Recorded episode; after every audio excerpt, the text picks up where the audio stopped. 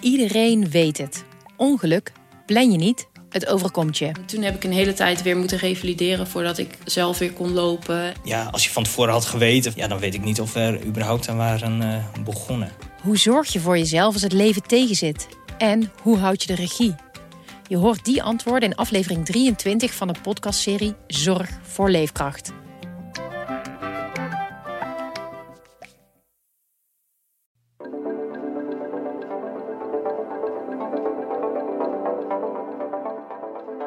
Hebben natuurlijk de verhalen gewoon aan de, aan de keukentafel dus gehoord. Dan leef je al heel erg mee. Dat je denkt, ja, je zit, het gaat niet om mijn tranen hier. Hè. Dus je houdt ze zoveel mogelijk tegen. Maar ja, je kan eigenlijk niet anders dan uh, geëmotioneerd raken als iemand je zo'n verhaal vertelt. Kijk, feit is dat meer dan 100 mensen als vermist te boek staan. Dat is een ongelooflijk aantal natuurlijk. Na al die jaren nog, nog steeds meer dan 100 mensen vermist. Dus theoretisch is het mogelijk dat van die 105 mensen, dat we daar 30 nog een naam aan kunnen koppelen. Vanaf de redactie in Middelburg is dit de PCC deze week. Mijn naam is Noortje de Kroo. Samen met Rolf Bosboom praat ik elke week over het nieuws. We vragen een verslaggever meer te vertellen over een bijzonder verhaal. Maar dit keer draaien we de rollen om. We zitten hier met Sven Romeinsen en in de aanloop naar 1 februari heeft hij geluisterd naar onze podcast over de watersnoodramp. Ja, fijn dat je dat wilt doen, Sven. Want het is inmiddels een jaar geleden dat wij de vermisten van 1953 maakten. En het verhaal heeft onszelf erg aangegrepen. En de hoofdpersonen, Jan en Riet, die zijn ons, voor ons heel dierbaar. Dus het is goed als iemand met wat meer afstand daarnaar uh, luistert en daarover uh, over praat. Kun je, kun je eerlijk zeggen hoe, hoe je er zelf naar geluisterd hebt? Want ik, je, je hebt gisteren uh, een aantal afleveringen geluisterd. Hè? Ja, omdat 1 februari er aankomt en dan gaat het toch weer spelen in, in je hoofd, dat, dat onderwerp.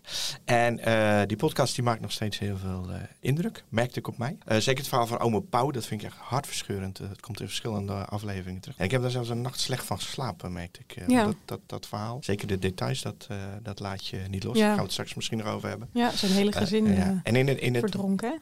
Die, die, die ome Pauw in, in, in zijn huis kwamen ook al verhalen van jullie podcast uh, samen. zoals de vader van Riet Kuiper. Die kwam daar in de rampnacht terecht. En Riet speelt ook een hele prominente rol in, in de podcastserie. Ja. En ik begrijp dat jullie deze week, dus een jaar na dato, weer bij Riet langs zijn geweest. Ja, we hebben er, we hebben er gebeld. Hallo. Hallo, uh, Riet met Noortje de Kroo van de PZC. Oh, goedemorgen. Hallo. Hallo, hoe gaat het met je? Ja, dat was heel, uh, heel fijn om elkaar weer te spreken. En uh, nou, we waren dus weer van harte welkom. Dus je weet de weg? Ja, we Alleen weten de, de, deur, de deur klemt een beetje, dus misschien moet je een harde druk aan de deur geven. maar ik ben thuis, dus Ja. dat lost hem op. Nou, zo zaten we een paar dagen later weer in, uh, in Ouwekerk bij, bij Riet aan de keukentafel. Ja, maar ik vind jullie niet veranderd. Ik vind u ook niet veranderd. Ja, dankjewel. Maar Echt het is helemaal wel, niet. Het is wel zo. En daarna zijn we ook nog bij Jan van der Hamer geweest, onze andere hoofdpersoon uit uh, de podcast. Je rijdt er met auto heen en up, zodat Ja. je kan lopen. Ja, en Zuid-Beveland is, uh, is mooi om te, om te lopen en te fietsen. Hoe was het om deze mensen weer te zien? Geweldig. Ja, heel vertrouwd eigenlijk. Dat is heel gek, maar uh, als journalist uh, spreek je al talloze mensen. En dat blijft altijd tot een beetje tot een formele relatie. En je kent de een wat beter dan de ander, maar dit voelt, ja... Ik heb al eens gezegd van, uh, als je een, een, een opa en oma zou wensen, dan, dan komen deze mensen wel heel dichtbij. Ja. Ze zijn zo aardig en zo hartelijk en zo lief eigenlijk. Ja, ja het was ook een beetje gek, omdat we eigenlijk uh, nu terugkwamen en um, als je gaat praten over de ramp, dan is het een beetje gek als je de woorden leuk of gezellig uh, gaat gebruiken. En toch is dat wel wat, uh, wat we hebben gedaan, omdat het gewoon echt heel fijn was om elkaar weer te zien. We gingen nu natuurlijk ook niet om het zware gesprek te voeren, maar nu hadden we, uh, ja, we, gingen gewoon terug bij mensen die, uh, zoals je zegt, uh, Rolf, waar we heel vertrouwd mee zijn geraakt. En toch is het bijzonder, hè? Want uh, uh, in de jaren na de ramp, eigenlijk die tientallen jaren na de ramp, is er niet over gesproken op, op de plekken die het zwaarst getroffen zijn, zoals Schouwen, Schouwen-Duiveland. En Riet, wat je ook in uh, de podcastserie hoort, heeft het eerder aan jullie verteld dan aan haar kinderen en kleinkinderen uiteindelijk. De, de, de, maakt dat het extra bijzonder voor jullie? Dat mensen je zo'n verhaal, zo'n intiem verhaal toevertrouwen? Ja, absoluut. Zeker dat, dat Riet dat inderdaad als eerste aan ons vertelde, dat, dat, dat voelt als een voorrecht. En dat is ook wel, eh, dat geeft ook aan ja, hoe bijzonder dat inderdaad aan dat zwijgen is geweest. En, eh, en dat ze daarna dus wel haar verhaal wilde doen. En dat ze het als een generale repetitie zag om het daarna aan haar eh, kinderen en kleinkinderen te vertellen. Ze had overigens al wel delen van haar verhaal eerder verteld. Hè? Dus het is niet dat ze echt compleet had gezwegen. Maar zij zei zelf altijd van... Ja, mijn man die heeft ook de ramp meegemaakt en die vertelde het verhaal. Uh, ja, automatisch deed zij dat dan dus niet. Maar nu is hij al een aantal jaar overleden en is, uh, is nou, nu doe ik het. Zo van, ik wil dat het verhaal wordt overgebracht en dat het wordt doorgegeven. Dus uh, die taak heeft zij echt op zich genomen. Ja, en zij heeft het verhaal ook echt in haar hoofd zitten, dat merk je. En ze kan er heel goed over vertellen. Weet precies wanneer wat gebeurd is en ook precies wat ze erover kwijt wil. En dat maakt het ook wel heel prettig om naar te luisteren, omdat je meteen wordt meegenomen in haar beleving. Toen wij er zaten was het echt alsof je er middenin zat. Wat, uh, ik vertelde net al in het, in het begin, de, de, de, verhalen zijn hartverscheurend soms. Van, zeker van, van, van Riet ook en, en haar vader. Wat voor indruk heeft dat op jullie gemaakt? Want jullie zijn er zo intensief mee bezig geweest. heeft dat je nog lang bezig gehouden? Ja, zeker. Ja. We hebben natuurlijk de verhalen gewoon aan de, aan de keukentafel dus gehoord. En ehm, dan leef je al heel erg mee. Dat je denkt, ja, je zit, het gaat niet om mijn tranen hier. Hè, dus je houdt ze zoveel mogelijk tegen. Maar ja, je kan eigenlijk niet anders dan uh, geëmotioneerd raken als iemand je zo'n verhaal vertelt. Maar we zijn ook op de begraafplaatsen geweest, zowel in Oude Kerk als in Nieuwe Kerk, meerdere keren. En dat grijpt je heel erg aan. We zaten volledig in de watersnoodramp. En ik had zelf daarvoor dat nog nooit zo, um, nog nooit zo meegemaakt. Hè. Je leest er wel eens over en je weet er natuurlijk veel van. Zeker als je uit Zeeland komt. Maar dat is echt heel iets anders dan dat je daar staat en dat je bij zo'n graf staat en denkt, ja, de, hier ligt dus niemand. Ja. Of juist, hier ligt iemand ik heb, en niemand weet wie. Ja, ik, ik, kom niet uit Zeeland, maar woon hier al vrij lang. En dan is de watersnoodramp echt gewoon een gegeven na een ja. tijdje. En je weet over die aantallen. En, en dan denk je, oh ja, het zijn er heel veel. En, maar nu krijg je het verhaal van, van echt van individuen te horen, van, van begin tot eind. En gek genoeg maakt het dan meer indruk dan al die grote getallen bij elkaar. Als je denkt van ja, als, als dit al zo, zo'n verhaal is voor één persoon. Bedenk dat er maar is dat, dat er tienduizenden mensen zijn die, die ook zoiets hebben. Ja, maar kun je je voorstellen de, de, de, hoe moeilijk dat voor mensen is geweest die de ramp hebben meegemaakt en die in dat dorp zijn blijven wonen, dat daarna weer is opgebouwd, oude kijk. Die hebben dat elke dag, nog ja. steeds. Begreep ik ook van, uh, van Riet. Nou ja, da daar krijg je nu iets meer gevoel bij. Ik denk niet dat wij het ons helemaal kunnen voorstellen. Maar je gaat wel iets meer beseffen dat, wat, wat het betekent. Kijk, in Oudekerk er ergens een lijntje van tot ho zo hoog kwam het water. Ja. ja, dat maakt al indruk. Maar als je weet wat, wat, het, al, wat het echt betekent. En dat, die aangrijpende verhalen, als je die, die op je netvlies hebt staan op dat moment. Ja, dan krijg je wel een eerste indruk van wat zij moeten meemaken. En waarom het 70 jaar later nog steeds zo doorwerkt. Ja, ik kan me daar echt ook geen voorstelling van maken eigenlijk hoor. Terwijl we er zo in het verhaal hebben gezeten, inderdaad. Maar als je dan bijvoorbeeld op Oude Kerk loopt, dan denk je inderdaad, ja, je, als je daar dus nog steeds woont en je weet altijd van, dat is de plaats waar mijn uh, opa bijvoorbeeld ja. woonde. Dit is de schuur waar dit gebeurde. Uh, het verhaal wat je net noemde van Paul Borlijn. Ja, dat is eigenlijk bij Jan van der Hamer in de straat. Daar kan ik me echt niks bij voorstellen hoe, uh, hoe dat moet zijn. En zij zeggen zelf dat het vooral in de aanloop naar 1 februari, dan is het het zwaarst. Dat is natuurlijk logisch, maar ik denk dat zij de rest van het jaar hebben ze toch een manier gevonden om daar mee om te gaan. Want ja, het kan moeilijk zo zijn dat, uh, dat 1 februari de loop van iedere dag bepaalt. Dat lijkt me dus heel moeilijk. Ja. Maar is die manier om daarmee om te gaan niet vooral uh, geweest om er gewoon niet over te praten? Voor veel mensen wel. Ja. Voor veel mensen wel en voor veel mensen dus ook niet. Kijk, vorig jaar is natuurlijk heel veel aandacht geweest voor die watersnoodramp. Ja. En er zijn ook heel veel meer mensen gaan praten. Mensen gaan op latere leeftijd toch denken van... ja, moet ik, moet ik het verhaal meenemen in mijn graf? Of, of ga ik het toch nog eens een keer zeggen?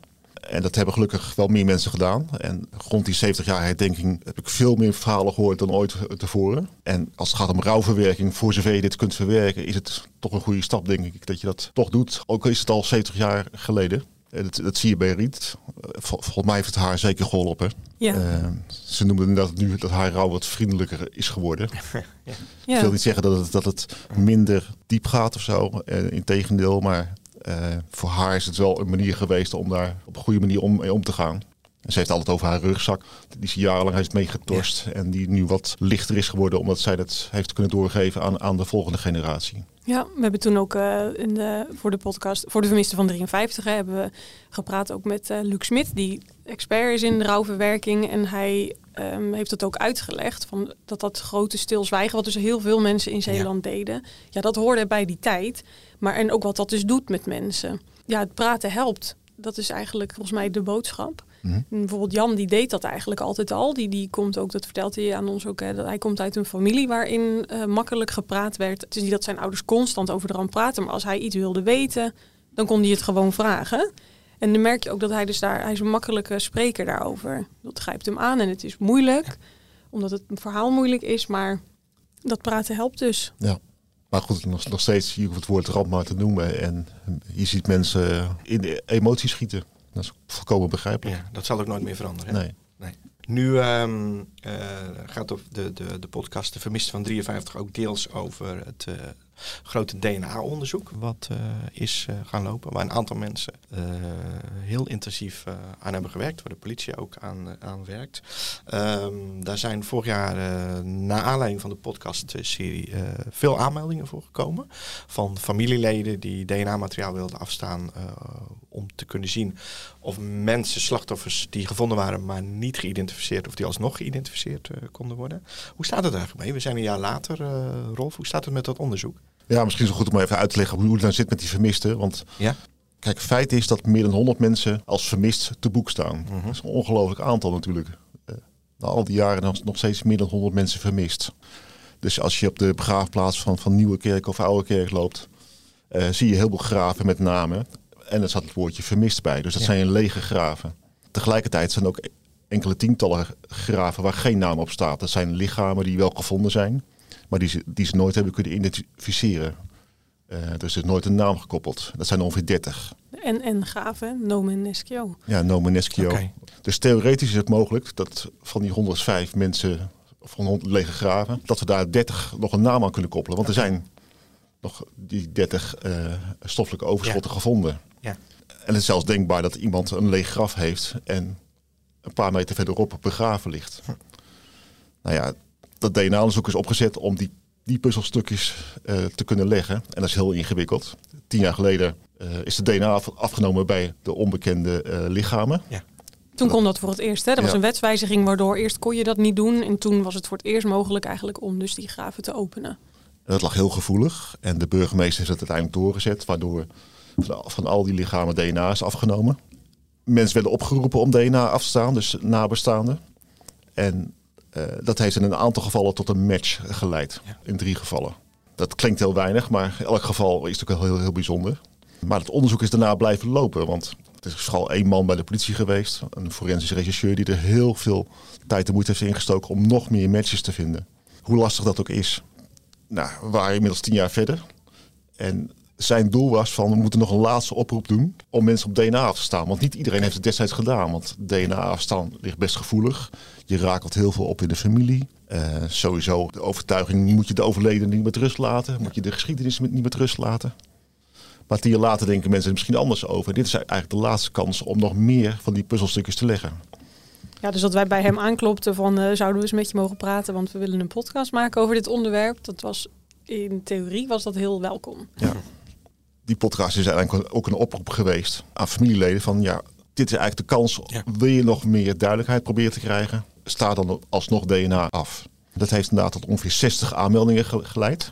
Dat is eigenlijk boven verwachting. Want Ja. we hadden misschien gedacht dat vijf of tien mensen het doen. Maar ja, ze kwamen uit het hele land kwamen, kwamen mensen zich melden. Dan denk je, nou, je neemt DNA af en eh, een week later heb je de uitslag. Ja. Zo simpel is het echt niet. Want je moet, kunt eigenlijk alleen zo'n onderzoek doen als iemand te dicht bij de overledene of de vermiste zit, genetisch gezien. Ja. Dus de politie moet de stamboom helemaal uitpluizen. Om te kijken of het wel zinvol is. Eh, hoe zijn die familierelaties? Eh, vervolgens moet je ook weten van hoe, wat is er gebeurd en wie verwacht je te kunnen vinden.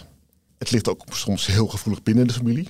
Dat de een zegt van ik wil best wel DNA afstaan, maar dat de zus of, of, of, of een kind zegt van zou je dat wel doen? Want je rakelt best veel op. Ik zei al, mensen kwamen, wonen in het hele land. Dus er moesten ook afspraken worden gemaakt met allerlei mensen.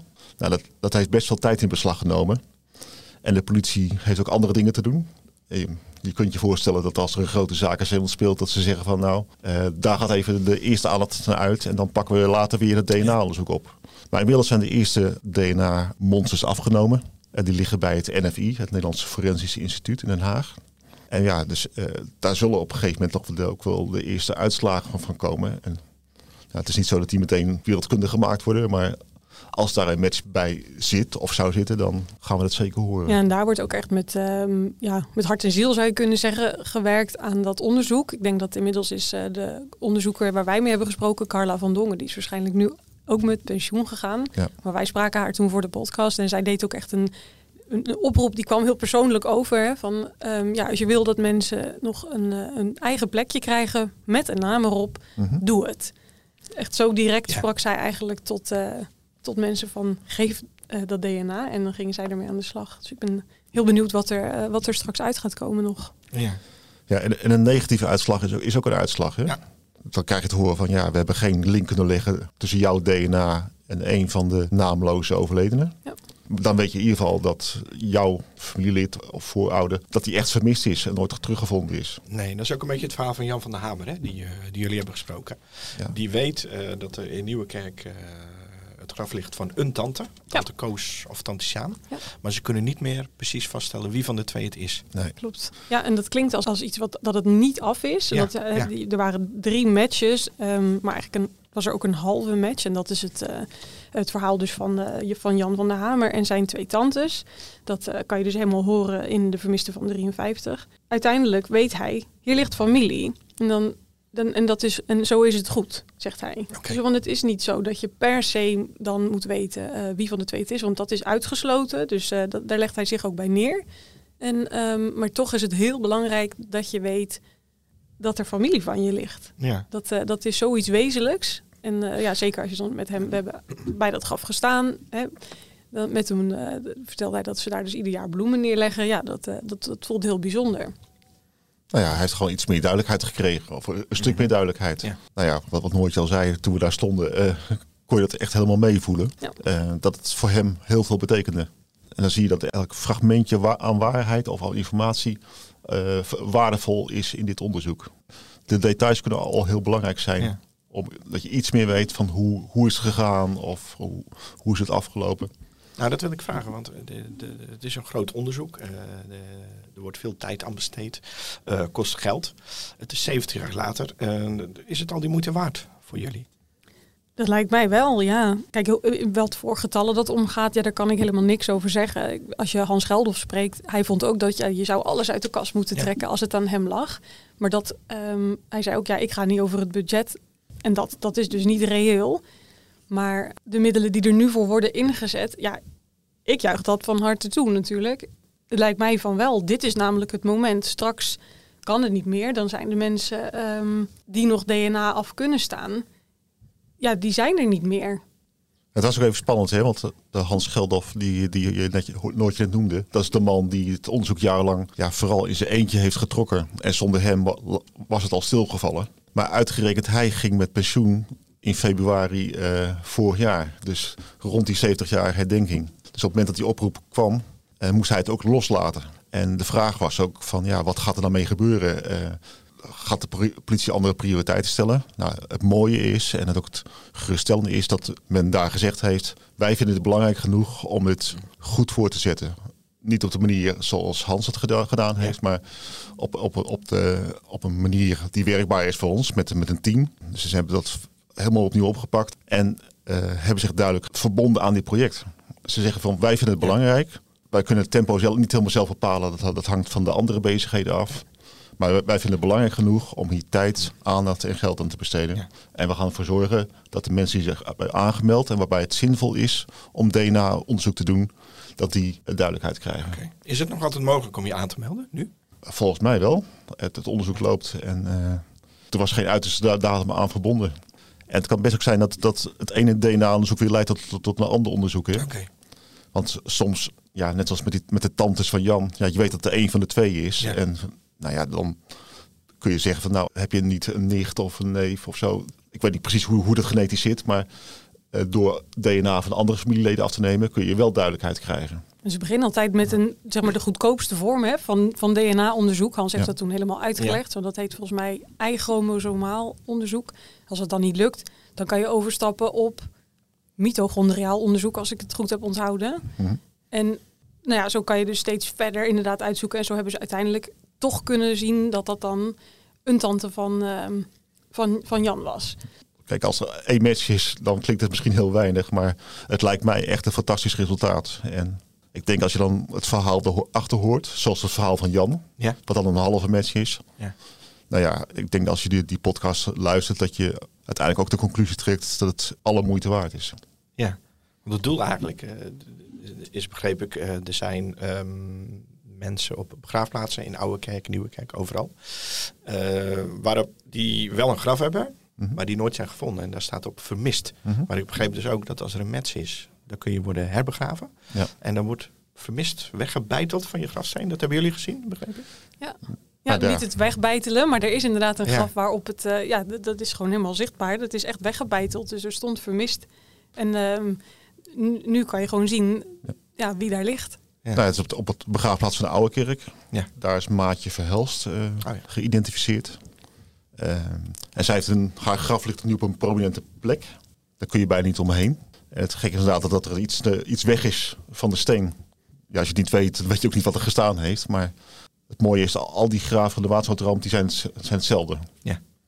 Dus je weet precies van eh, waar, waar bij anderen het woordje vermist staat. En hier zie je gewoon, dit is weggehaald. Oké. Ja, dat is zo symbolisch als je dat ziet. Ja, dat is eigenlijk een concreet resultaat van Ja. dat hele onderzoek eh, en al die moeite die daarvoor is gedaan. Ja. Ja, ja, en dat is, ja, we hopen dat dat, no- dat, dat, eh, dat dat nog vaker gaat gebeuren. Ja, Ja. Nu staat, eh, het is bijna weer eh, 1 februari. Nu staat eh, Jan, Jan van der Hamer volgende week, altijd op 1 februari, gaat hij eh, met zijn vrouw naar het graf van zijn tante in, eh, in, in Nieuwekerk. Eh, het is voor iedereen, en dat is bekend, altijd een moeilijke week. eh, mensen die de ramp eh, hebben, hebben meegemaakt. Eh, aan wie denken jullie op 1 februari? ja aan eh, Jan en Riet en Stoffel en eh, de andere mensen die wij hebben gesproken. Want we spraken nog veel meer mensen voor de, voor de podcast. Ja. Die zijn dan uiteindelijk met het verhaal niet in de pod- podcast gekomen. Maar ehm, ja, die hebben wel hun hele verhaal bij ons, eh, ehm, aan ons verteld. En ook daarmee, eh, ja, dus eigenlijk aan al die mensen die, eh, die hun verhaal deelden met ons. En ja, dus eigenlijk aan, aan hen. Ja. Maar goed, ja, toch vooral aan Jan en Riet. Kijk, Riet gaat niet naar de herdenking. Die blijft gewoon thuis. Oké.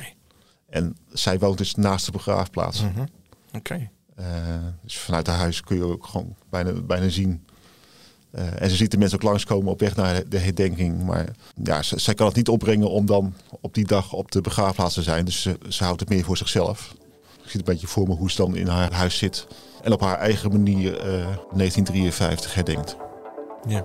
Daar denk ik vooral aan. Dit was de PZC deze week. Je hoorde Rolf Bosboom en Sven Remijnse. Mijn naam is Noortje de Kroo. Volgende week zijn we er weer met een nieuwe aflevering. Tot dan!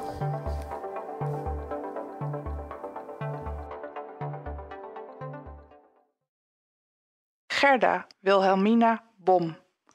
1 jaar. Jacobus Smalheer van de Bos, 56 jaar. Wist je dat er na de watersnoodramp van 1953 nog altijd 105 vermisten zijn? Ja, kik. Zeven maanden. Voor nabestaanden is het als een wond die nooit helemaal geneest. Hij vond dat wel erg. Hij was eh, twee zussen kwijt.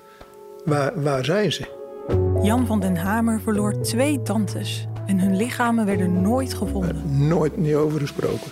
Nooit. Dus als een groot onderzoek kans op antwoorden biedt, twijfelt Jan geen seconde. Mijn vader en moeder hebben er ook niks meer aan. Maar die zou het ook dolgraag geweten hebben. Hé, wie, wie of wat. Dat weet ik pertinent zeker.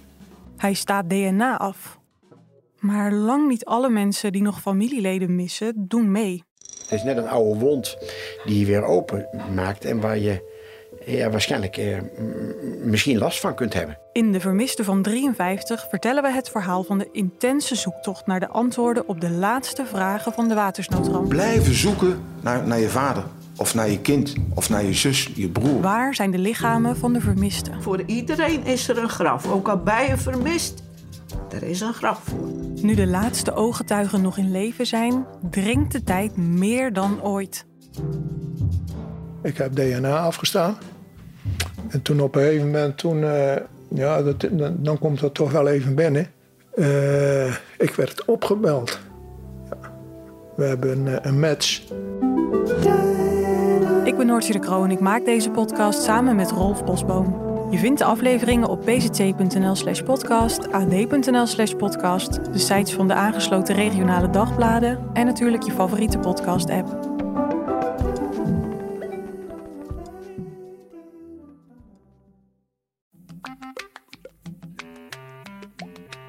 Iedereen weet het.